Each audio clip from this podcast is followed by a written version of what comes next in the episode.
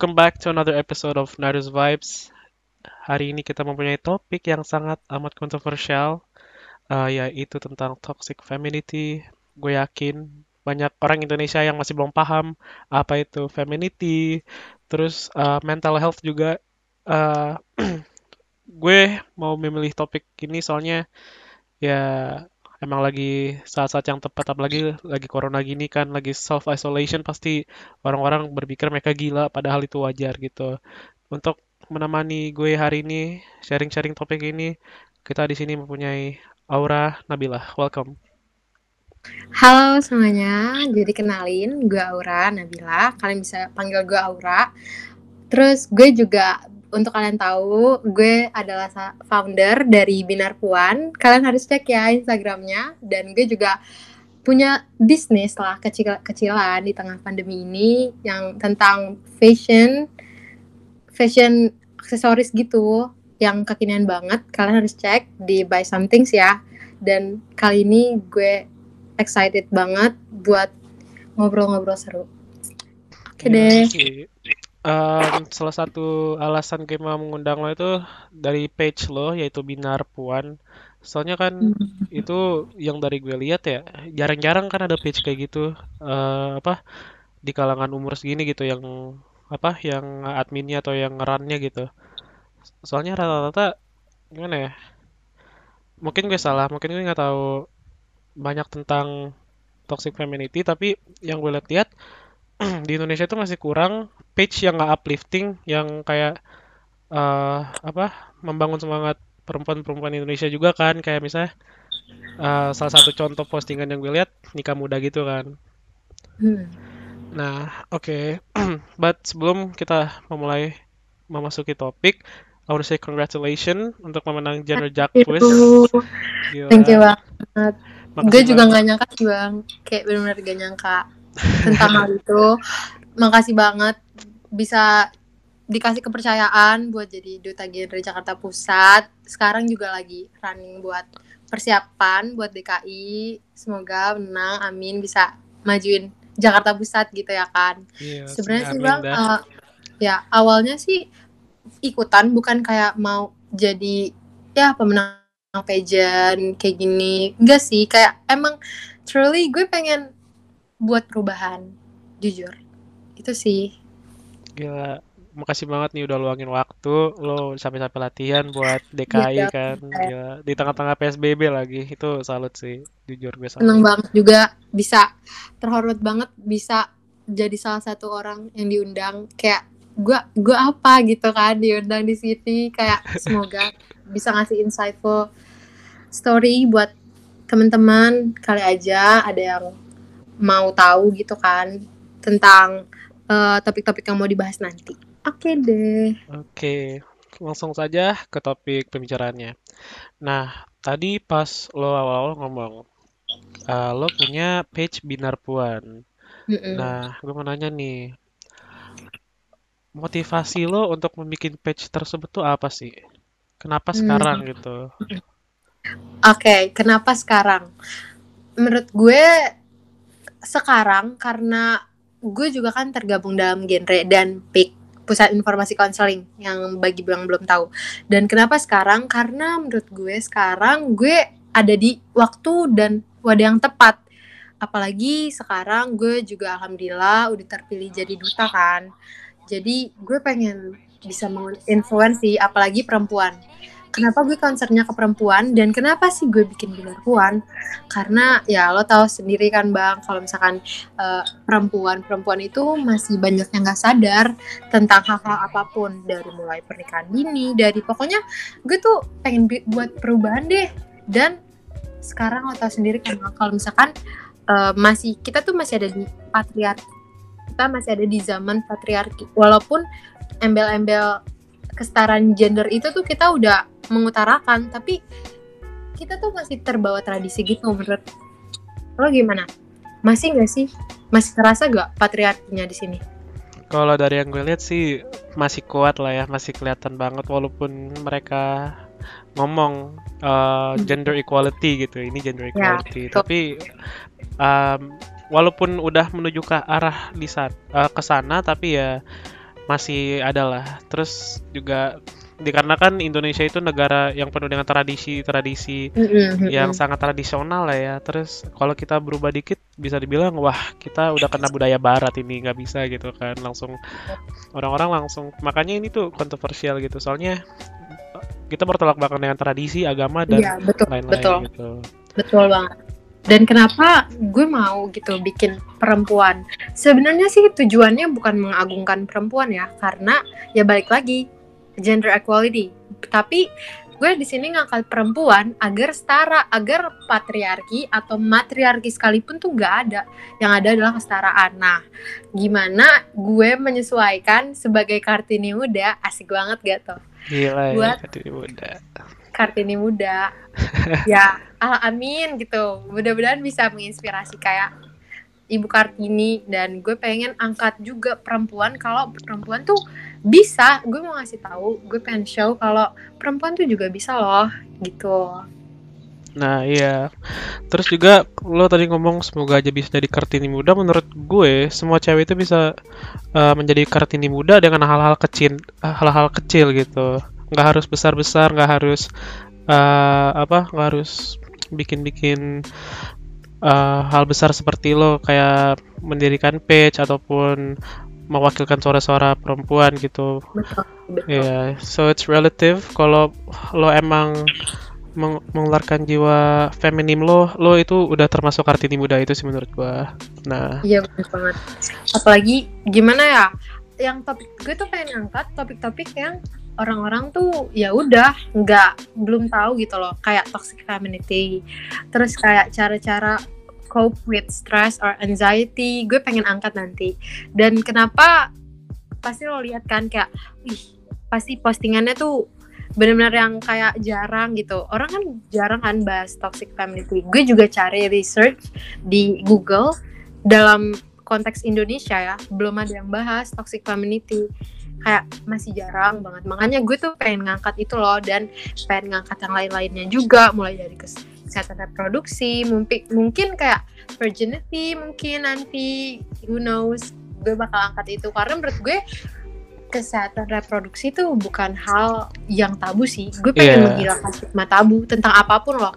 Kayak apa pun sih bang. Kayak eh, hubungan seks. Itu sebenarnya menurut lo tabu apa enggak kalau menurut gue itu bukan hal yang tabu karena semua orang pasti bakal melakukan itu di suatu saat nanti. Kalau misalkan kita nggak teredukasi dengan hal itu ya mungkin banyak yang melenceng banyak yang nggak ditahu akhirnya banyak yang dibego-begoin juga. Ya nggak sih? Nah iya, menurut gue seks itu bukan hal yang tabu. Lo lahir aja gimana gitu. Lo aja lahir karena ada hubungan seks dari orang tua lo gitu kan. Udah sering dilakukan. Menurut gua yang bikin tabu itu persepsi orang. Soalnya kita persepsi seks itu rata-rata haram, soalnya harus nikah dulu gitu kan. Nah, dari situ itu bukan itu bukan mengartikan edukasinya itu haram, enggak. Soalnya dari dari situ kita mendapat persepsi dari kecil gitu kan. Kayak kalau kita dengar eh tuh uh, mereka habis gitu-gitu loh kayak habis enak-enak gitu. Kita langsung kayak waduh waduh gitu kan. Padahal Iya, iya. itu hal yang udah biasa tapi emang eh, kalau secara agama haram kalau di luar nikah tapi setelah itu itu udah biasa aja gitu kan Mm-mm. nah jadi bener persepsi orang aja gitu Iya benar banget. Terus kayak eh, makin lama tuh makin geram tahu kayak banyak cewek yang jadi kayak jadi korban kekerasan seksual karena mereka kurang teredukasi tentang apa pun. Dan lo lihat gak sih baru-baru ini ada seorang hmm, bukan in- dibilang influencer gimana ya followersnya banyak. Dibilang komedian juga bukan tapi dia adalah seorang mungkin bisa disebut artis. Tapi kayak bilang kalau misalkan pelukan aja itu bisa hamil. Iya kita nggak lo gimana? Itu aneh banget. nah yang gue agak concern tentang ini dia tuh influencer lah pasti ada anak-anak yang look up to this person gitu Ya, lo kalau lo kalau salah ngomong bisa-bisa pengikut lo itu eh, mempunyai pikiran yang sama gitu dan alhamdulillahnya kayak ini influencer ada followers yang kayak eh enggak tahu gitu. Kayak sebenarnya kayak gini kayak gini. Walaupun bahasanya agak kasar kalau dilihat di kolom komentar ya tapi seenggaknya kayak udah dibenerin gitu. Kayak dunia tuh kenapa sih? Kenapa sih kayak gitu? Dan menurut gue peran orang tua penting sih. Menurut gue itu penting banget. Karena ya pasti yang kayak gitu itu dari orang tuanya juga dan kita sebenarnya harus open minded tentang apa pun. Kita harus tahu semuanya tapi nggak kita implementasiin semuanya. Kita juga harus pinter-pinter nyaring. Mau nah iya. betul. mau apa kita harus terima dengan open minded tapi nggak kita telan mentah-mentah juga.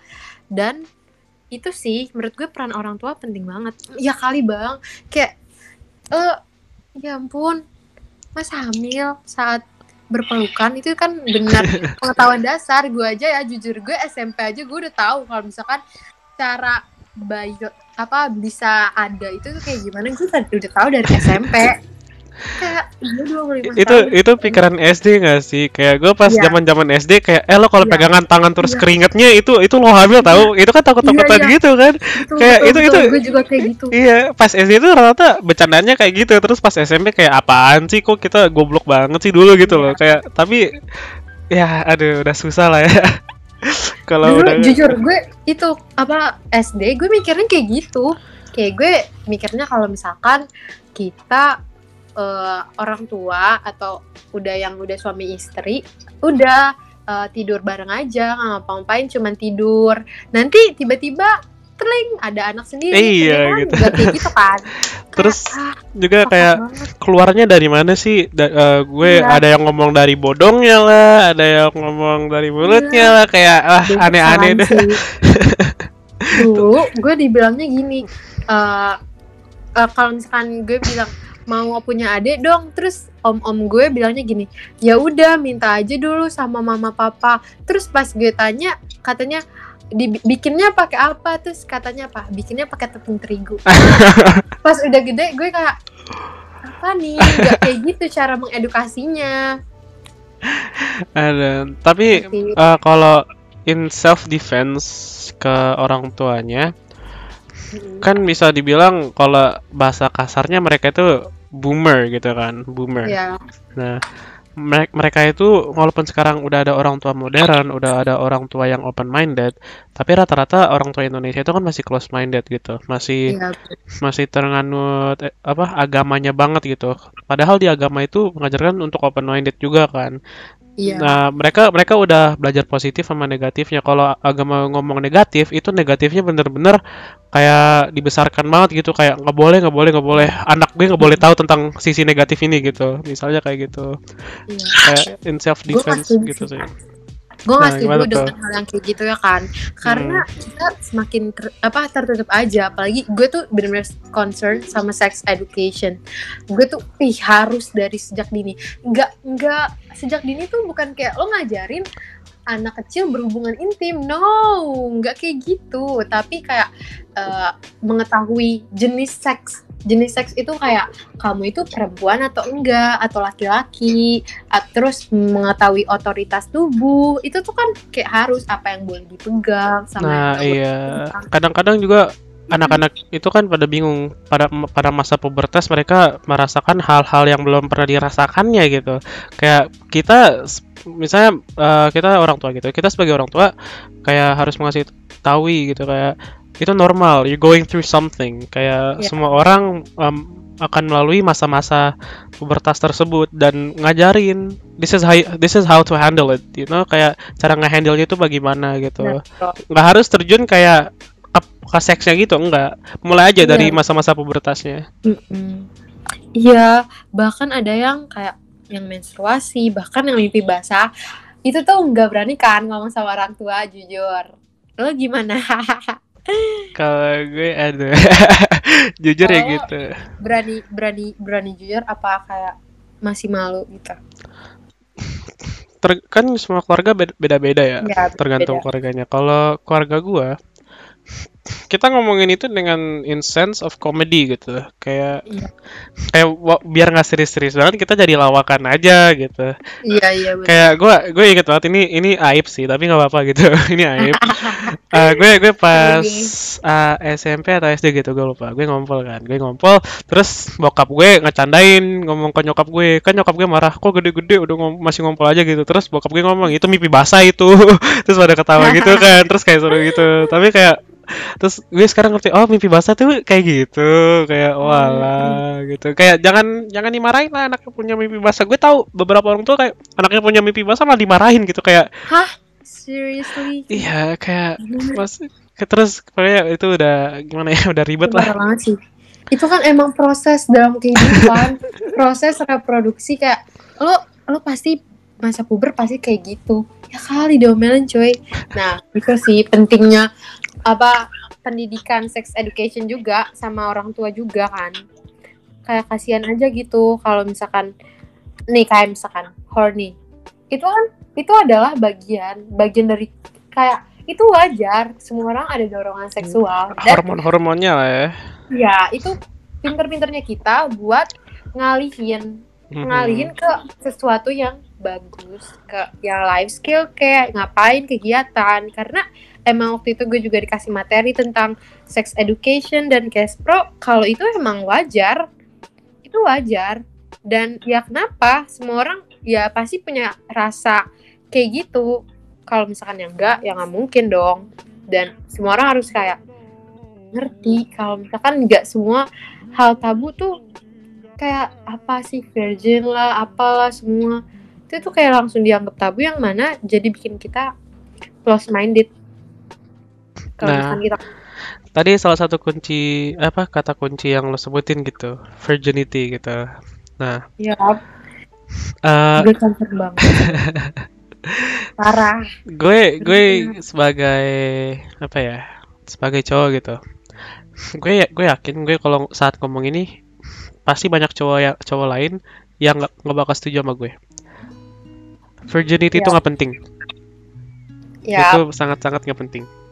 Ya Soalnya kayak lo juga kalau mau nikah gitu kayak lo lo lo dengan sejahat-jahatnya ngomong ya dapat secondan. Lo kira cewek itu barang gitu second gitu. Ya betul. Nah nih kalau kata kasarnya lo sendiri udah pernah coli gitu berarti lo second dong.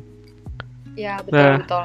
terus juga lo kalau misalnya nikah terus yang udah udah nggak virgin gitu apa bedanya gitu? Kayak ya lo tetap gitu-gitu juga kan gitu ya. Mungkin mungkin ada kayak ya udah udah kepake duluan. Tapi kayak that's kayak itu nggak penting. Itu jatuh lagi ke diri lo sama pikiran lo gitu. Kayak eh masalah kayak gini mau gue perbesarin atau enggak sih gitu? Emang sepenting itu apa? Padahal kan enggak gitu.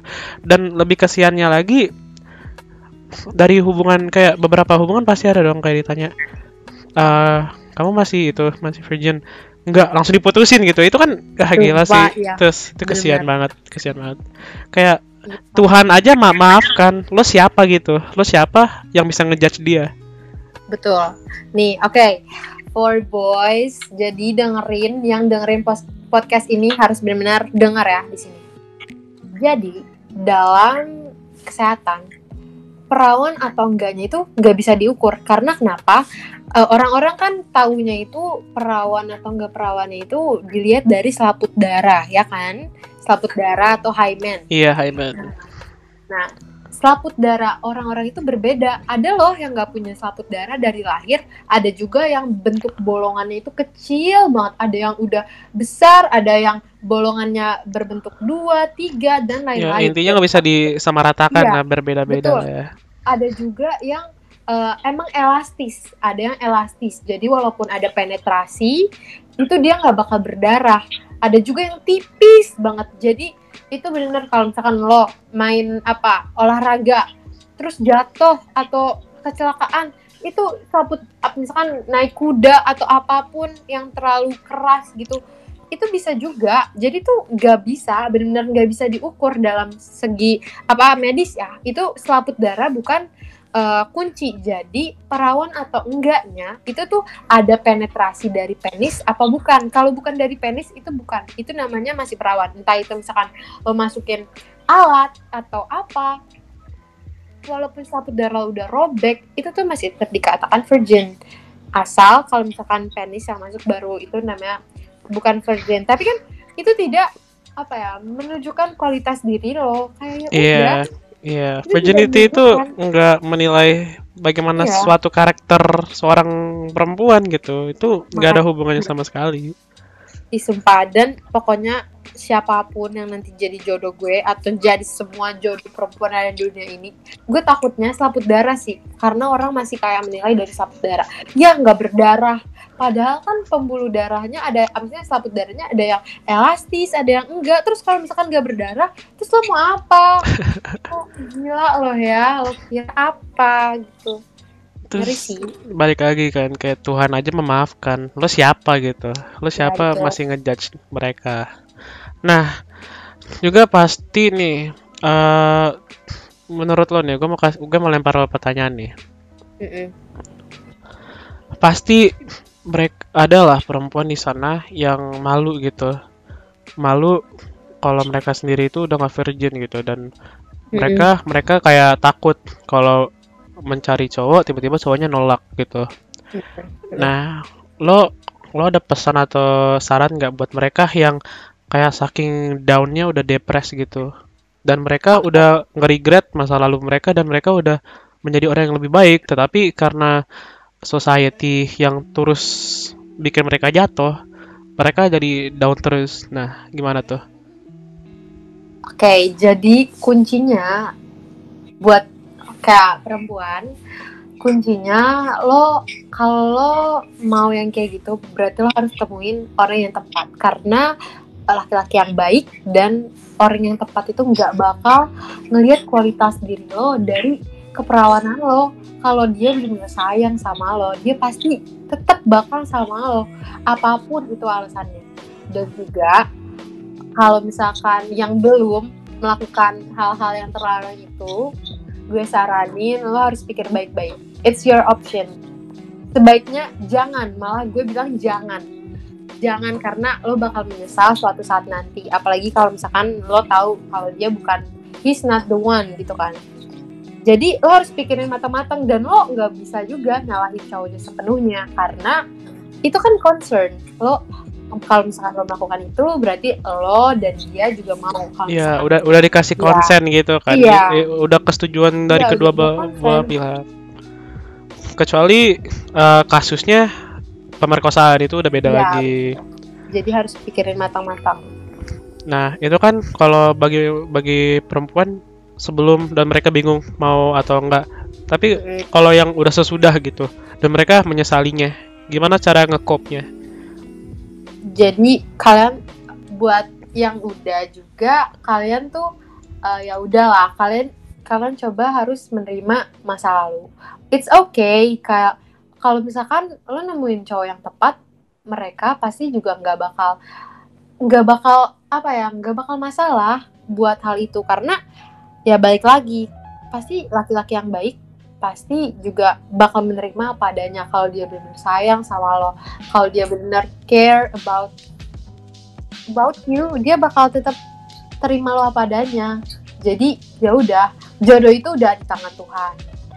Masa lalu gak bakal bisa diulang tapi itu bisa jadi pelajaran buat besok dan semua apa yang udah dilakukan itu itu udah takdir. Jadi ya udahlah life must go on. Nggak harus nggak ada yang harus dikhawatirkan.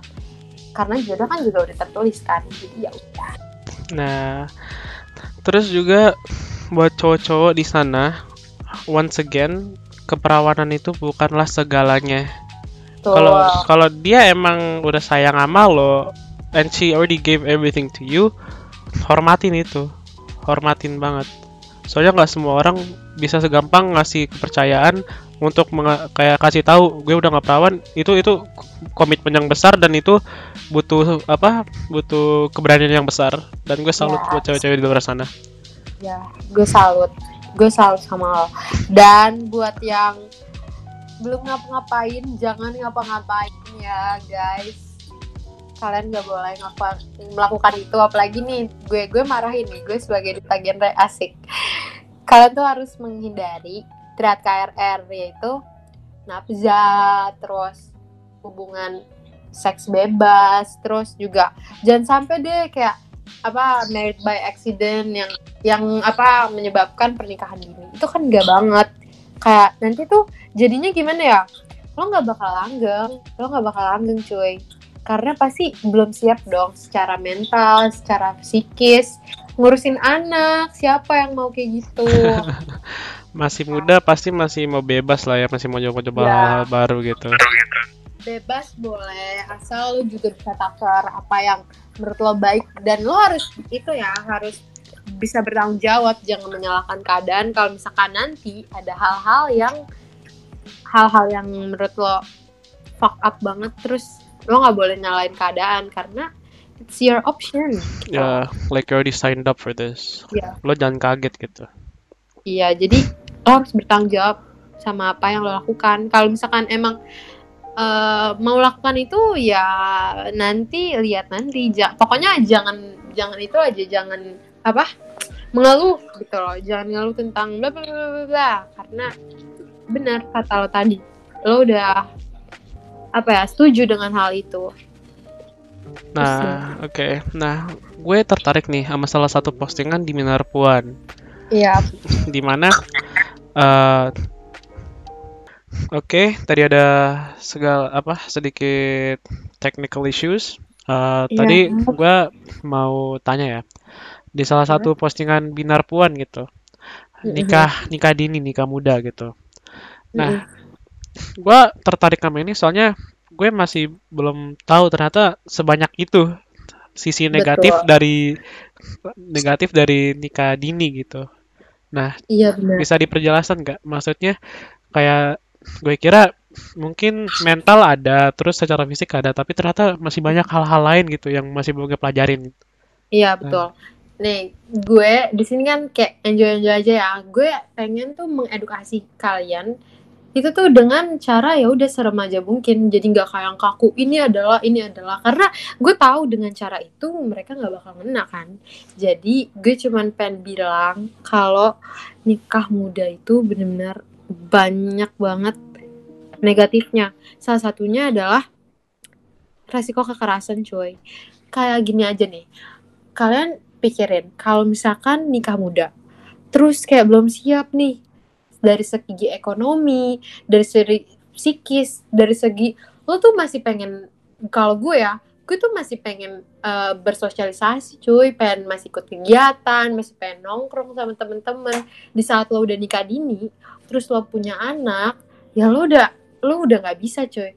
Karena apalagi ya eh, anak itu kan punya punya golden age di mana kayak dari umur 0 sampai pokoknya 0 sampai 100 hari 0 atau 0 sampai 1000 hari 0 sampai 1000 hari anak lahir itu itu tuh mereka itu adalah golden age mereka yang mana mereka benar-benar belajar dan itu yang ngebentuk karakter mereka kalau misalkan di 1000 hari itu lo miss itu tuh bakal kayak berpengaruh dong sama anaknya dan juga bakal timbul kekerasan, cekcok, gimana lah, namanya juga masih muda kan, Iya. masih belum teratur. Itu tuh kayak gitu deh, bakal bener-bener banyak banget.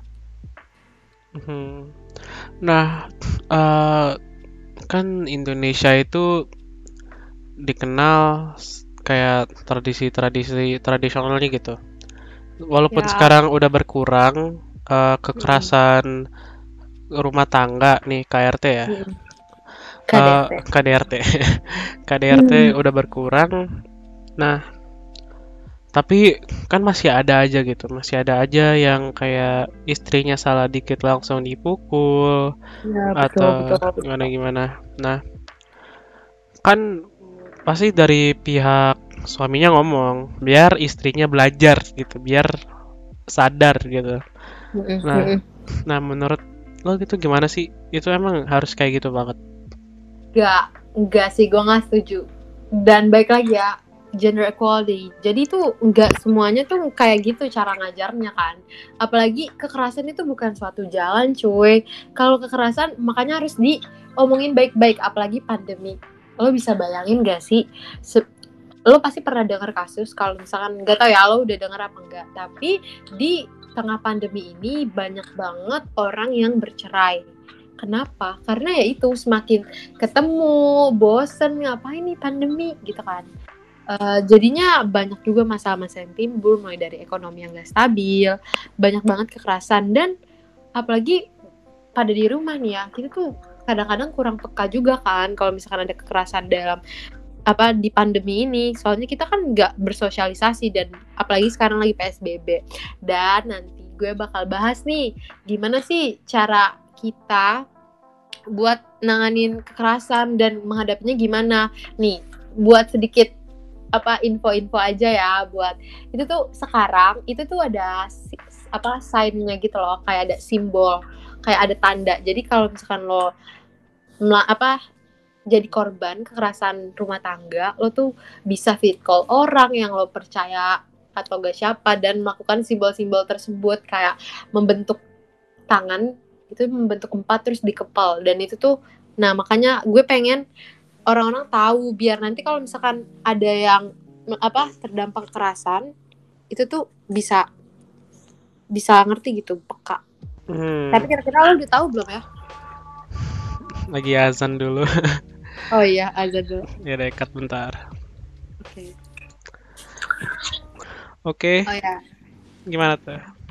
Gue pengen nanya nih sebagai cowok dari pandang sudut pandang cowok ya gimana sih uh, kalau misalkan lo ngelihat perempuan-perempuan sekarang yang masih apa ya melakukan hal-hal yang gak bagus gitu loh kayak entah itu melakukan seks bebas terus yang berakhir jadi MBA terus kan pernikahan dini terus menurut lo gimana sebagai sudut pandang cowok ya?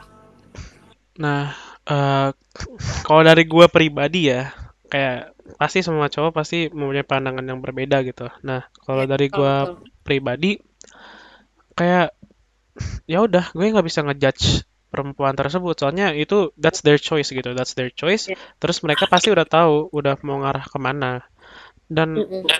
kalau misalnya posisinya uh, gue lagi pacaran sama orang yang cerai gitu kan misalnya kayak dia nikah dini terus cerai gitu Nah, kalau gue ada di dalam posisi tersebut, ya kalau kalau dia emang tulus ke gue dan gue tulus ke dia dan chemistry-nya dapet dan everything is going well, kayak itu masa lalu dia. Asalkan dia nggak ngelakuin hal-hal tersebut pas kita udah punya hubungan gitu. And I'm fine with that. Kayak I'm fine yeah. with that gitu. Soalnya masa lalu dia, masa lalu dia. Gue juga punya masa lalu juga yang bisa dibilang nggak menyenangkan juga gitu. Kayak semua orang pasti punya dark past-nya nggak mungkin ya, ada nggak mungkin semua orang tuh suci. Itu udah ap, apalagi zaman segini pasti kita pernah lah secara nggak sengaja ngefitnah atau ngegibah gitu kan. Pasti secara nggak sengaja ya, kita pernah oh. gitu. Nggak ada yang suci. Hmm. ya gitu. sih bener-bener. Ya dan gue berharap semua cowok kayak gitu ya. Apalagi kayak ya udah life must go on. Kayak lo tuh nggak lo jangan sering-sering lihat ke belakang Ya boleh sekali lihat ke belakang ya buat upgrade diri lo, bukan kayak jadi buat rendah. Tapi it's okay. Uh, gue juga nggak mau jadi toxic juga kan. Sebenarnya tuh kita tuh ada toxicnya juga loh, kayak toxic positivity kayak pokoknya lo tuh harus bisa, pokoknya lo tuh bisa beneran bisa. Tapi di satu sisi ya kita jangan nggak bisa nggak apa nggak boleh nge-push dia kayak gitu. Karena itu adalah salah satu toxic positivity. Kayak lo menyemangati dia mengata apa mengutarakan hal-hal yang baik tapi jadinya kayak toxic gitu loh. Kayak apaan hmm. sih? Kayak lomba lo pasti ngerasain kan kayak misalkan lomba. Pokoknya tuh lo tuh bisa udah lo pasti juara satu sih. Kalau gak juara satu ya kali bukan bukan aura misalkan kayak gitu. Itu kan salah satu toxic yang yang mana bikin kita jadi punya beban moral kayak ya gue harus gue harus menang kalau enggak gimana orang-orang lihat gue gitu kan. Mm -hmm. dan itu sih gue yang harus diubah gitu. Mm, oke. Okay. nah karena untuk topik hari ini itu tentang femininity katanya susah juga. Femini apa? Femininity.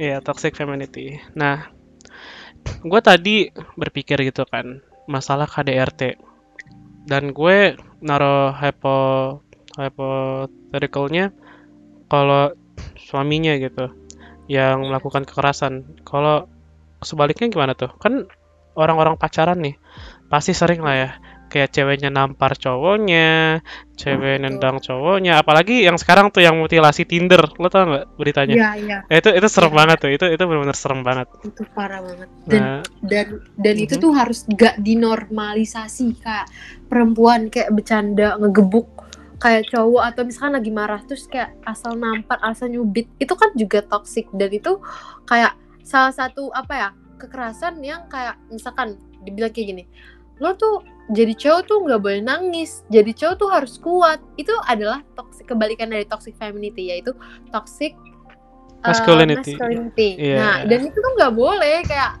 kenapa semua semua perasaan nangis, kesel, cemburu, kecewa itu wajar dan dan kita semua manusia, cuy. Kita nggak boleh apa kayak misalkan cowok itu harus cowok itu nggak boleh kelemar-kelemar, cow- cowok itu nggak boleh apa kayak apa kayak ngedes, nari, ya nggak apa-apa, it's okay. Itu adalah salah satu toxic masculinity dan dan itu sih yang masih kayak berjalan dibanding toxic femininity menurut gue lebih banyak toxic masculinity gak sih? ya secara nggak langsung sih, soalnya cowok-cowok juga biasa aja gitu. Kayak, oh kita dari dulu emang kayak gini, kayak kita kita rata-rata nggak mau perubahan, soalnya kayak apa ya gengsi kita tuh udah tinggi banget gitu kayak this is the limit gua harus melebihi limit tersebut gitu kayak gue gue gue di posisi cewek ya udah nggak usah nangis gitu padahal di Ya. rumah dia depres kayak minum pil-pilan gitu kayak itu Ya. wah itu udah nggak Iya. sehat banget sih Iya, betul. bener sehat Kalau lo pernah gak sih dapet toxic masculinity? kalau gue ya eh nih ya di sekolah sih gue punya satu momen kayak Mm. di mana mungkin emang semuanya lagi nggak berjalan mulus aja gitu kayak one of those days di mana kayak mood lo lagi turun terus kayak keberuntungan lo lagi turun gitu kan terus ada guru gitu kayak ngomong kamu tuh kan cowok harusnya bisa kuat harusnya bisa gini-gini harusnya bisa gitu kayak iya bu saya ngerti saya cowok bisa gitu-gitu tapi kayak we have our uh, kita mempunyai kekurangan juga gitu kan dan Iya. Like one of those days kayak harusnya gurunya itu nggak menjatuhkan tapi kayak menaikkan kayak ya udah nggak apa-apa nak you'll get them next time gitu. Like Iya, kayak jangan menjatuhkan cowok tersebut. Soalnya satu omongan tuh bakal kayak nempel banget. Kayak gue gue sampai sekarang tuh masih ada ya. Kayak satu omongan dari guru kayak ketempel sampai sekarang. Kayak gue gue bisa mikir kayak I don't think I can do this gitu. Dan jujur orang tua gue juga pernah ngomong gitu ke gue kayak oh ini anak gue jujur ya gue eh kalau dalam pelajaran MTK gue turun banget gitu. Nah kayak kan rata-rata cowok dibilang cowok rata-rata bego gitu kan kayak cowok rata-rata bego nggak bisa mikir gitu. Nah gue sampai sekarang masih berpikiran kayak gitu. Padahal gue tahu gue bisa lebih tapi pemikiran itu masih ada di gue kayak oh ya kata kata guru gue gue nggak bisa MTK nih gitu-gitu. Kayak it's just like those little things that build this big insecurities. Kayak itu Iya, benar-benar nggak betul. baik Iya itu berdampak banget sih. Apalagi kayak ih gue sih paling kesel. Kayak kan oke it's okay kalau misalkan sama cowok yang emang dari dari dulunya emang maco gitu kan. Ya terus apa kabar yang cowok? Ya udah yang mereka suka ga, mm, lettering yang mereka suka nari yang mereka suka melakukan hal-hal kayak makeup bahkan karena kan sebenarnya makeup itu enggak juga buat perempuan. Deddy Corbuzier aja pakai makeup kan. Entah walaupun itu bukan lipstick tapi dia pakai eyeshadow dan lain-lain. Dan itu tidak menggambarkan sih menurut gue. Kalau misalkan kayak gue suka di bidang hal itu ya udah silahkan. Itu kayak cowok tuh nggak boleh kayak gini cowok tuh nggak boleh kayak gini. Ih gue tuh kayak apa sih? Muak banget. Nggak kayak gitu dalam poin sustainable development goals aja yang dibikin sama PBB bahkan dunia internasional di poin kelima aja adalah kesetaraan gender yang mana itu adalah target dunia cuy. Dan di Indonesia sih masih banyak yang open minded nah terus juga Menurut buat sebaliknya eh, Heeh. buat cowok gitu like you you can still be a feminist dan ya. lo nggak gay gitu. Kayak rat- rata-rata ya betul. ada beberapa feminis yang cowok gitu kan pasti ngomongin sama teman-temannya kayak oh dia dia agak miring gitu dia agak miring. Soalnya gayanya Iya. gini-gini. Padahal enggak dia cuman dia Iya. cuman biasa aja dia cuman feminis gitu. Dia nge-respect Iya. woman dan dan dibanding co dan dibanding lolo cowok-cowok yang ngaku maco cewek-cewek lebih Ya. suka cowok-cowok yang kayak gitu soalnya dia ya nge-acknowledge masalah ceweknya terus nge-respect masalah ceweknya gitu kayak apa yang lo lakuin ke cewek kecuekin lah atau mm-mm, kayak betul, lo keras itu itu malahan bikin cewek ilfeel dibanding cowok yang bisa dibilang eh apa bisa dibilang lembut gitu Iya. Iya benar-benar benar-benar kayak gimana ya? Gue tuh suka miris aja gitu sama orang yang kayak gitu. Feminis itu bukan berarti perempuan adalah yang paling apa mendewakan perempuan atau perempuan lebih daripada laki-laki. Itu bukan. Feminis itu berarti ya kita, apa mendorong apa me- mengangkat perempuan karena yang di mana kita tahu kalau misalkan perempuan itu selalu dinomorduakan makanya adanya feminis itu itu tuh lahir bukan untuk mendewakan perempuan tapi menjunjung kesetaraan. Itu sih Mm-mm. yang harus orang-orang tuh tahu. Ya nggak gitu. Sebenarnya nih kita harus setara. Jadi bener kata lo sih kayak kenapa sih orang-orang yang dukung apa feminis itu yang feminis itu dikiranya gay atau LGBT itu kan enggak. Dan gue respect sih sama cowok-cowok yang kayak gitu. Maksudnya cowok-cowok yang mendukung perempuan. Kayak setara. Tapi bukan berarti kayak setara terus lo ya udah tonjok-tonjokin aja gitu setara kan gitu kan. Enggak gitu Ya nggak nggak gitu. gitu juga. Soalnya cowok ke cowok malas tonjok-tonjokan juga kan itu masih kekerasan gitu, bukan berarti ya betul. Gitu. apa pun itu kekerasan. Orang pengen nonjok cewek nonjok cowok itu itu benar-benar itu sama aja kekerasan. Dan dan orang-orang tuh harus tahu itu. Sih Nah, terus apa ya? Tadi gue kepikiran mau ngomong satu hal tapi lupa. Ah, tentang tentang feminis juga sih. Oh ya, nih. Eh, pernah ya pas gue lagi latihan debat, gue dapet topik gender wage gap. Nggak lo tau, lo tau itu gak? apa apa apa Gender wage gap, di mana cowok dibanding cewek eh digajinya tuh lebih tinggian cowok, padahal mereka itu mempunyai Oh, pekerjaan yang sama. oh iya. Benar-benar iya. Jadi iya gue masih dengar hal itu gue masih dengar hal itu. Tapi kalau misalkan untuk di Indonesia gue belum nyari sih. Tapi gue dengar-dengar kasus itu ada di luar Indonesia. Dan menurut gue apa sih? Kayak fucked up banget. Lo kira perempuan gak ngasih kontribusi yang sama? Kayak gila ya apa nih gitu Mm-mm. Apalagi pekerjaannya tuh sama aja gitu. Like you're Nah, literally betul. doing the same thing like in the same field di bidang yang sama gitu. Kayak betul kenapa harus dan perbedaannya itu bukan kayak oh cuman bereba cuman misalnya uh, pakai dolar ya kayak oh cuman Mhm. cuman beda 50 dolar kayak enggak perbedaannya itu bisa-bisa 15.000 ribu dolar bisa Ya. banyak banget gitu. menurut gue ya harusnya harusnya yang cowok itu malu sih karena kenapa melakukan apa pekerjaan yang sama tapi digaji yang lebih? Berarti itu menunjukkan kalau misalkan cewek lebih mampu dong. Dan cowok harus dibeli diberi upah yang lebih karena pekerjaan dia yang kayak gitu. Menurut gue sih ya harusnya cowok malu. Karena cewek aja dikasih gajinya segitu. Masa cowok mintanya lebih? Dan dengan tenaga dia kalau menurut gue harusnya sih malu ya. Dan kalau dipikir-pikirin ya, misalnya si perempuan ini tuh udah punya keluarga dan dibanding cowok yang sendiri kayak belum yang kalau cowok yang pemikiran pengeluarannya palingan apa ya? Kayak eh, sewa eh, apartemennya atau bensinnya atau makanan sehari-hari and that's it. Tapi kalau perempuan beda, bisa aja dia mempunyai anak, she's a single mother, terus belum lagi eh, keperluan kesehatan kayak lo PMS itu kan butuh duit juga buat ngurusin hal tersebut gitu. Apalagi kalau di Amerika lagi eh, ada, ada namanya birth control gitu kan, biar Oh ya, eh, gitu. Itu itu kan mahal juga kan harus dipikirin juga. iya sih benar. Terus kak ngomong-ngomongin birth control ya kan, itu kan adalah menurut kalau misalkan di Indonesia itu kan juga kayak alat kontrasepsi enggak sih yang bentuknya pil, ya gak sih, bener kan? Iya. Nah, dan menurut gue sih sekarang eh, masih banyak disalahgunakan tahu kayak misalkan kondom. itu tuh masih banyak loh anak kecil yang beli itu. Menurut lo gimana?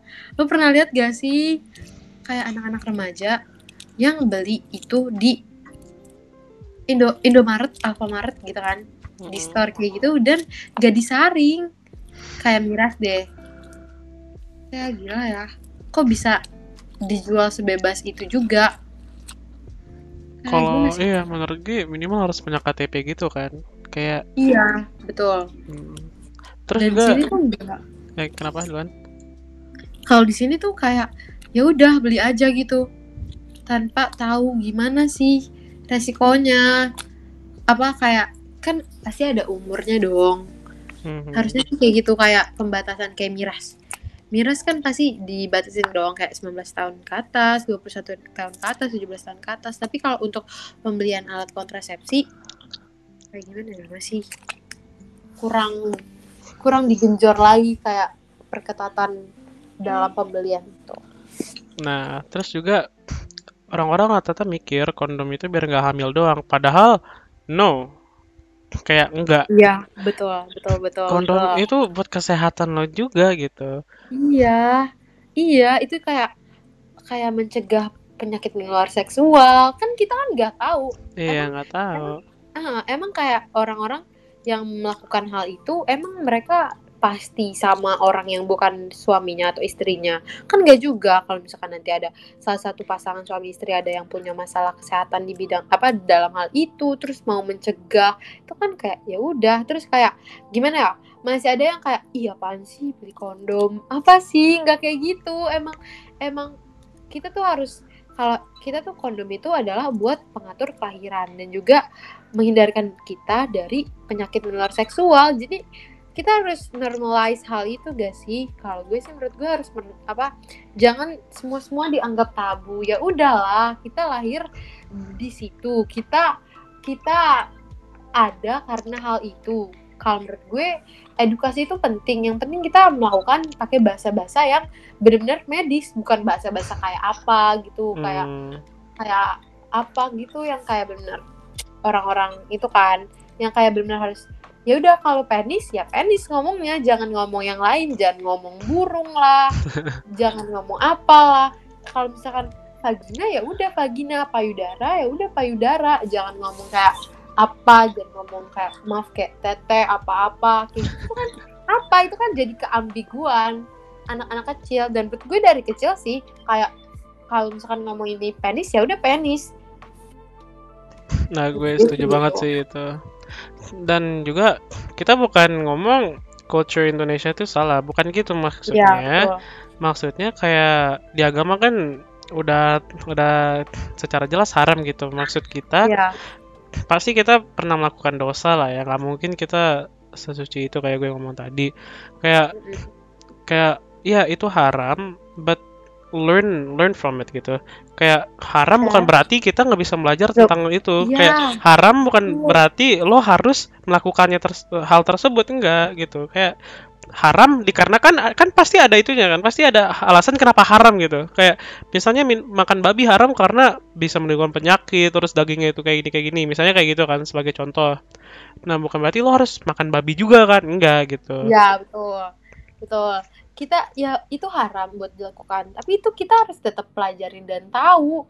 Ya kalau misalkan kita nggak tahu, ya kita pasti bakal apa nih, bakal bertanya-tanya sendiri kan, kayak anak kecil.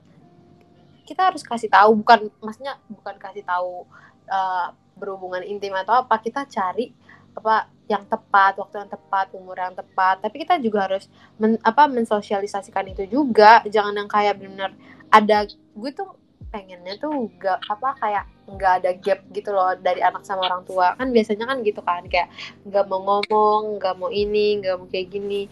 Dan gini loh kalau misalkan lo aja nggak tahu tentang kesehatan reproduksi lo aja nggak tahu tentang hal-hal itu kalau misalkan yang pertama lo dibego-begoin gimana? Kalau misalkan lo jadi korban kekerasan seksual gimana? Nah kan iya. itu itu itu gue kesian sih. Kayak dia bingung mau ngomong ke mana soalnya dia sendiri nggak ngerti apa yang baru terjadi Iya, ke dirinya Iya, gitu. betul. Lo inget gak sih yang ka- yang kata ada yang mereka ke gunung terus salah satunya itu hipotermia terus katanya ada yang memakai kesempatan kesempatan itu untuk bilang katanya orang yang hipotermia itu harus disembuhkan dengan hubungan badan. Kan itu apaan banget. Enggak itu adalah salah satu kesempatan dalam kesempitan kan. Nah yang Iya. kayak gitu itu juga kita harus tahu gitu kan. Apa banget. Tuh, itu cowoknya bejat sih. bejat banget. banget. sih. Kayak apa nih kesempatan dalam kesempitan? Dan menurut gue kayak itu juga hal-hal yang harus kita tahu sih. Itu kan kayak di luar konteks yang dasar banget kan. Mungkin banyak juga yang tertipu dan awalnya gue juga bertanya-tanya ah masa sih? Gak mungkin banget. Dan akhirnya emang bukan kan. Dan itu kan sedikit kayak believable kayak Nah, terus Oh terus lo pernah dengar gak sih God. yang kayak ada berita belakangan ini yang di kolam renang kalau misalnya ada yang ada ejakulasi terus kalian itu oh iya. satu kolam renang itu bisa meng- mengakibatkan Itu kehamilan gitu. Kayak what? No gitu. Kayak anjing apa like apa? sih? Terus juga gue gue nanya kan kayak pernah kisah yang kayak lo ngomong tadi gap Heeh. between orang tua dengan anak. Mm-mm. gue gue pernah nanya ke nyokap gue gitu kayak mimpi basah itu Mhm. apa sih gitu nyokap gue ngomong nanti juga belajar kok di sekolah tapi di sekolah juga nggak diajarin terus kayak iya betul kayak betul. gue harus ke mana gitu ujung-ujungnya Iya. Kita belajar di internet terus nggak Ya. kesaring adanya kita turun ke dunia Ya. dunia itulah dunia Betul, perfilman betul, quote on quote perfilman Iya, kayak- Hollywood Hollywood ya. iya Hollywood. gitu lah kayak kita melihat para para orang pro yang melakukan dan mendemonstrasikan dan masalahnya kalau nggak diomongin ya anaknya itu bukan masalahnya itu bukan mereka nggak boleh tahu mereka tuh harus tahu tetapi difilter Dari orang yang benar kan, dari orang yang benar juga. harus difilter Iya, gitu biar bener. mereka nggak salah nanggep kayak oh mimpi basah tuh kayak gini pengen nyobain ah Iya, kan betul, mereka nggak betul, tahu betul, gitu Iya. kayak they don't know terus pernah uh, ada kasus anak kecil benar anak kecil 9 tahun atau kurang di kamar mandi mereka berdua lagi gitu itu miris banget Miris banget. itu miris Makanya banget. sih orang tua juga harus tahu kayak lo kalau misalkan anak lo nggak tahu terus dia mau nanya ke ke mana? Yang akhirnya ya internet. Internet Internet. yang yang mana semua internet tuh nggak bisa menjelaskan dengan benar. Itu sih. Terus kayak- apalagi kan kalau anak kecil tuh harus diarahkan kan. Kayak mereka misalnya ditampilin informasi kayak misalnya soda. Soda itu enak gitu. Enak buat diminum. Tapi mereka nggak bakal lihat negatifnya apa. Jadi mereka bakal minum-minum aja gitu. Kayak mereka nggak tahu negatifnya apa. Jadi harus difilter. Mengedukasi tetapi difilter. Bukan berarti bohong tapi kayak menga- mengarahkannya ke sisi positifnya gitu. Iya betul betul. Kayak nih, oh ya tadi kan ngomongin soal kayak film-film, itu kan porn. Nah itu tuh buat remaja ya, apalagi di sini kan banyak nih yang kan yang non apa yang denger kan pasti masih anak-anak muda. Tahu nggak sih kalau porn itu menyebabkan banyak-banyak hal yang negatif. Kita ya, gue nggak bilang apa kayak masturbasi itu hal yang tabu ya itu pasti kayak banyak lah dari cowok melakukan hal itu karena semua orang itu pasti ada dorongan seksual yang Iya. mana kita sebenarnya bisa ngalihin ke hal-hal yang lebih baik dan produktif nah tapi kan berhubungan dengan itu porn itu kenapa nggak baik yang pertama itu merusak sel-sel otak lo pernah dengar gak sih pasti pernah pernah pernah ya kan Iya. yang kedua itu juga kalau nanti lo udah nikah itu bisa bikin hubungan lo nggak harmonis. Kenapa? Karena ekspektasi sama realita beda, cuy. Kayak apa? Emang apa namanya kayak gimana ya? Nanti emang istri lo lo bakal nemu yang bener-bener kayak gitu apa? Terus nanti kalau misalkan berdampak sama aktivitas lo, kelanggengan keharmonisan hubungan lo itu gimana? Kayak make sense kan? Ada soalnya gue nemu kasus yang laki-lakinya itu nggak nggak bisa nggak bisa apa ya terangsang kalau misalkan dia nggak ngelihat video porno ya kan Iya. kayak ih, kasihan banget istrinya ya pasti hal-hal kecil gitu aja mempunyai konsekuensi yang besar buat masa depannya gitu. Iya benar-benar benar. ya gimana ya? Pokoknya ya pokoknya itu nggak sehat aja. Nggak sehat dan kalau bisa jangan dede melakukan aja hal-hal produktif gitu deh. Dengan bisa aja gitu ada yang yang dengar ini bisa aja ada yang mau bikin podcast juga ya kan? Kan salah satu produktif. Daripada melakukan hal-hal yang nggak benar kan apalagi pandemi gabut. Aduh. Gabut. Udah psbb psbb lagi gitu kan gila sih. Nah terus juga buat pasti ada lah ya yang kayak masa-masa psbb ini kayak mensalah apa kayak buat apa uh, jadi alasan kayak eh main ke rumah dong gabut. Terus tiba-tiba iya. iya. Kayak apa ya? Gitu deh. Jadi kayak hmm boleh asal pokoknya itu tuh kayak ada inisiasinya dulu kan kayak yang pertama-tama mungkin kayak deket-deketan. Itu kan pasti memancing dari gini deh dari pegangan tangan dari kondisi suasana dari berduaan itu kan memancing. Jadi kalau bisa buat menghindari hal-hal itu, mungkin awalnya bertujuan enggak kok, cuman mau Netflixan doang, cuman mau net apa cerita-cerita doang. Netflix and chill. Ya Netflix and chill. Chillnya itu apa chillnya? Ya. Enggak kok, cuman mau lihat nih tangannya bagus jadi pegang. Eh, kan eh, gitu kan. Eh, jadi sorry gitu, gak sengaja gitu. Eh, gak sorry. Eh, sorry gak sengaja ya, terus juga ini buat uh, perempuan di sana jangan gampang percaya sama cowok. Iya betul. Betul cowok tuh manis banget ngomongnya. Kebanyakan ya. Gue nggak nyalahin cowok. Kebanyakan. Ada oknum-oknum yang kayak gitu tapi enggak kok. Ada kok cowok yang baik. Ada yang baik. Cewek juga kayak gitu kok. Cewek juga kayak gitu. Ada oknum-oknum yang gak jelas. Tapi hmm. pasti ada yang baik juga. Intinya baik lagi kepercayaan like yeah. if kayak terus juga kita kita kan masih negara negara yang terbelakangi ya kalau masalah seks gitu mm-hmm. kayak kalau di Amerika kan sering tuh one night stand kayak mm-hmm. baru ketemu langsung mm-hmm. gitu terus kayak langsung ngedip gitu kayak Indonesia tuh beda boy Indonesia tuh masih banyak yang kayak gitu kayak lo kalau kenal sama seseorang dan lo cuma sekedar kenal terus tiba-tiba dia ngajak gitu mendingan jangan Ya betul. Sebenarnya kan kita juga beda, kita juga beda prinsip bang. Di dalam Indonesia juga kan bukan menganut, bukan liberal. Jadi yeah. kita juga harus menghormati apa kebijakan-kebijakan atau yang ada di Indonesia juga kayak Indonesia bukan negara liberal yang pertama. Yang kedua pasti semua orang menganut keyakinan, ya kan? Dan uh, di dalam semua keyakinan kalau misalkan ya yang kayak gitu-gitu juga nggak boleh Iya, tapi itu balik lagi ya ke diri sendiri gitu. Kayak ya. kita kita juga nggak bisa ngelarang kan, pasti ada aja gitu. Terus juga like we're not judging you, tapi like in ya, case betul, you want betul, to do it, kayak pertama sebagai cowok nih, no means no. Kalau ya. dibilang enggak, enggak selesai. Ya. Jangan diperdebatin. No means no itu dia bukan ngasih kode berarti lo harus ngetry lebih keras. Nggak no means no. Terus buat cewek kalau misalnya lo masih ketemu berapa bulan lo masih pacaran sama nih orang baru baru sekedar trustnya itu baru apa ya kayak kayak apa sih kayak nggak ada jaminan apa-apa gitu cuman jaminan omongan.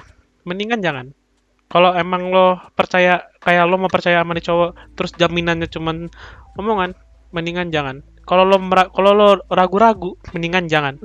Bener-bener ya bener sih kak. Lo udah deh paling aman. Lo tuh udah kasih kepercayaan lo nanti buat pokoknya lo ngasih-ngasih ke semuanya itu nanti aja kalau lo udah menemukan yang tepat dan nikah nikah sih jangan melakukan hal-hal bodoh karena kita nggak bisa prediksi apa yang akan terjadi ke depannya. Apakah dia apakah he's the one? Kita kan nggak tahu. Makanya jangan DP dulu ya teman-teman. Aduh DP nggak kan nggak apa ya tidak menjamin. Jadi ya udahlah. Terus juga triat KRR gak boleh ya. Bener deh kayak gue sebenarnya kayak genre. Genre itu kan membahas banyak hal. Kayak dari kesehatan reproduksi, terus uh, triad KRR tuh hal-hal yang nggak yang permasalahan remaja itu kayak pernikahan dini, seks bebas, sama nafza. itu yang kayak benar kita gencar-gencarin buat perbaikin dan gue tuh bukan yang kayak oh iya emang iya dan karena gue juga ngeliat sih dari kayak lingkungan gue gue tuh pengen bikin perubahan karena banyak juga kayak di lingkungan gue yang melakukan hal itu bukan lingkungan bukan lingkungan kayak gitu ya kayak SMP itu gila banyak banget. Apalagi dulu gue pengalaman gue jadi ketua osis dan uh bertemu te apa teman-teman yang kayak gitu. Ya ya pasti gue nggak ngejudge. Gue cuman kayak ngasih arahan kayak oh ya udah it's oh ya it's your option. Tapi gue juga berusaha gimana mungkin supaya itu nggak dilakukan. Makanya gue pengen membuka mata orang-orang. Tapi kan gue nggak bisa membahagiakan semua orang. Ya makanya bentuk kontribusi gue yaitu membentuk binar puan juga salah satunya. Hmm. biar bisa membuka sih perempuan tuh gimana. Perempuan tuh kayak permata. Jadi ya udah gue pengen apa target gue adalah perempuan apalagi gue juga perempuan kan hmm. terus juga ini kita bukan kayak ngelarang atau kita jangan gitu jangan gitu kayak enggak kayak hmm. kalau lo mau gitu ya udah nggak apa-apa tapi just remember kita di sini tuh cuma mau sharing terus kayak nasehatin biar lo nggak nyesel gitu kayak penyesalan tuh pasti selalu datang terakhir gitu. Kalau lo udah mau berkomitmen untuk melakukan suatu hal, ya lo tuh harus pikir-pikir dulu. Is he really the one? Dia kalaunya gimana? Nah, kalau misalnya pasti ada cewek lah yang kayak masa-masa kayak uh, penasaran. Bukan cewek doang pasti cowok cowok apalagi gitu kan penasaran gitu. Kayak eh rasanya gimana sih? Nih uh, kalau saran dari gue uh, either way kalau udah kayak gitu it's gonna happen one way or or another gitu kan pasti bakal yeah. terjadi uh, saran dari gue coba bukan secara sengaja ya, coba kayak kalau kalian ada masalah mau masalah besar atau kecil gimana kalian cara menyelesaikannya kalau kalian menyelesaikannya saling berlawanan I'm telling you, he's not the one or she's not the one. Tapi yeah. kalau kalian cara menyelesaikan masalahnya is like you guys versus the problem, terus dia percaya lo dan sebaliknya, there's a 75% chance that he's the one. Ke mana yeah. ke mana 25 persennya ya balik lagi. Yeah. Belum tentu jodoh. Bener-bener. Gitu. Kayak pokoknya kepercayaan sama komunikasi. Udah itu aja. Iya bener-bener. Soalnya ya kalau gue sendiri ya buat kayak cowok, gue tuh nggak pernah kayak mandang cowok tuh dari dia ganteng apa enggak, dia dia kaya apa enggak, dia naik Vespa apa enggak, enggak, enggak.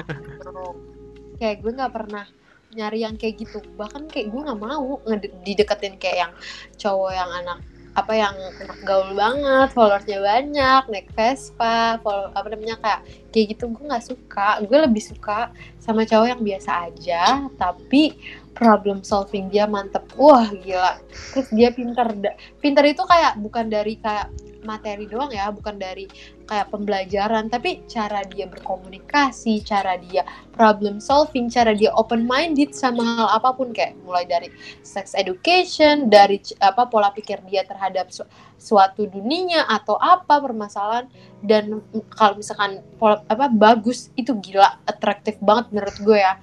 Itu lebih gue tuh suka anjir kalau ngeliat uh, cowok yang pinter dalam apa dalam konteks banyak ya misalkan dalam dalam hal-hal yang kayak gitu. Gue nggak suka gitu kayak cowok. Gue malah ya gue nggak suka yang kayak di sweet sweetin kayak di setiap Valentine gue dikasih bunga. Gue nggak suka. Gue lebih gue lebih pengen nyari cowok yang benar-benar nerima gue benar-benar apa adanya karena gue orangnya aktif kan.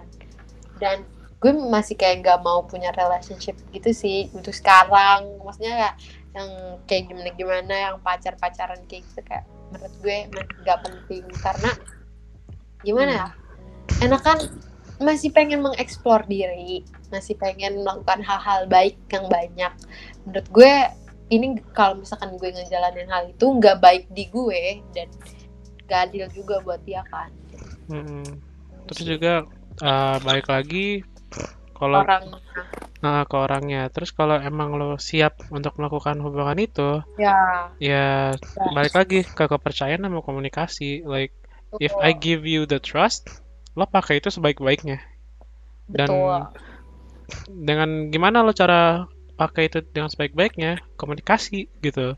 Kayak lo Ya, misalnya lo misalnya habis ngapain sama seseorang yang bisa menimbulkan masalah ya eh gue habis jalan nih sama ini gitu. Kayak mm, yang penting ada komunikasinya gitu. Dan sebaliknya ke orang itunya misalnya kalau dia merasa sedikit ini jangan dipendam ngomong aja gitu ngomong aja. Iya betul and then we and then we'll figure this out together gitu. Kayak oh lo merasa gitu yaudah kita harus gimana ya gitu. Jadi ya itu aja sih Iya benar-benar. Gue setuju banget sih. Karena menurut gue komunikasi dan kepercayaan itu dua hal yang saling terikat. Jadi kalau misalkan salah satu nggak ada atau salah satu hilang, itu tuh bakal ngerusak semuanya. Ya sih, itu tuh harus penting dan harus nemuin orang yang tepat juga yang ketiga. Karena di saat semua ada, tapi lo nggak nemu orang yang tepat dalam visi misi, itu tuh lo nggak bakal jalan juga. Menurut gue sih.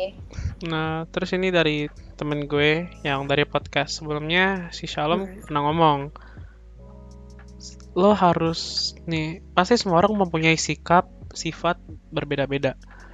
Tapi Ya, cara salah satu cara kalian bisa kayak ngecari tahu cocok atau enggak itu dari prinsipnya. Lihat prinsip mereka sama nggak sih sama prinsip kalian gitu. Betul, betul, gue setuju. Kayak prinsip, iya, balik lagi ke prinsip itu yang kayak kayak visi misi kehidupan. Lu tuh maunya ke depannya kayak gimana sih? Lu nanti kalau misalkan sesimpel ini deh, kayak misalkan cowoknya nanti kalau misalkan udah nikah, eh, perempuannya nggak boleh kerja. Tapi misalkan ceweknya mau kerja, ceweknya tuh nggak bisa, ceweknya aktif kayak gue. Itu kan dari awalnya yang biasa-biasa aja, tapi yang ke depannya itu nggak diomongin gitu itu kan bakal jadi satu salah satu apa keributan besar kan pas nanti udah apa menikah dan itu sih visi misi itu ke depannya juga harus dibahas kayak gitu ya, heeh, kayak lo hidupnya ke depan mau gimana sih gitu. ya Cocok, betul cocok, betul cocokin, cocok, cocokin aja gitu. Kayak, oh kita kayaknya sama nih. Yaudah yuk berjuang bersama-sama untuk memenuhi prinsip tersebut gitu kan. Kayak gitu yes enak gitu. Itu udah enak. Nah, eh, oke, kita udah bahas banyak banget nih, gila ya. Udah ya banyak banget dari seru toxic banget femininity dari topik gitu. ini topik itu Eh, sayangnya nih, kita udah mau kehabisan waktu ya. Eh, makasih banget buat Aura udah meluangkin thank you waktunya, juga udah sharing-sharing. juga sebelum gue akhirin gitu, lo punya pesan nggak buat siapa pun atau ataupun gitu keluar sana? Gue eh, buat buat apa mau ngasih pesan buat cewek cowok deh. Pokoknya semua yang denger ini be open minded tapi lo juga harus nyaring yang terbaik buat diri lo. Jadi boleh nelen apa boleh open minded sama semua hal tapi lo juga jangan telan-telan mentah-mentah. Lo harus bisa ngatur apa yang baik dan apa yang enggak. Karena open minded itu sebenarnya bagus buat kehidupan lo. Jadi lo bisa tahu semuanya itu deh Itu pesan dari Aura. Just be open minded.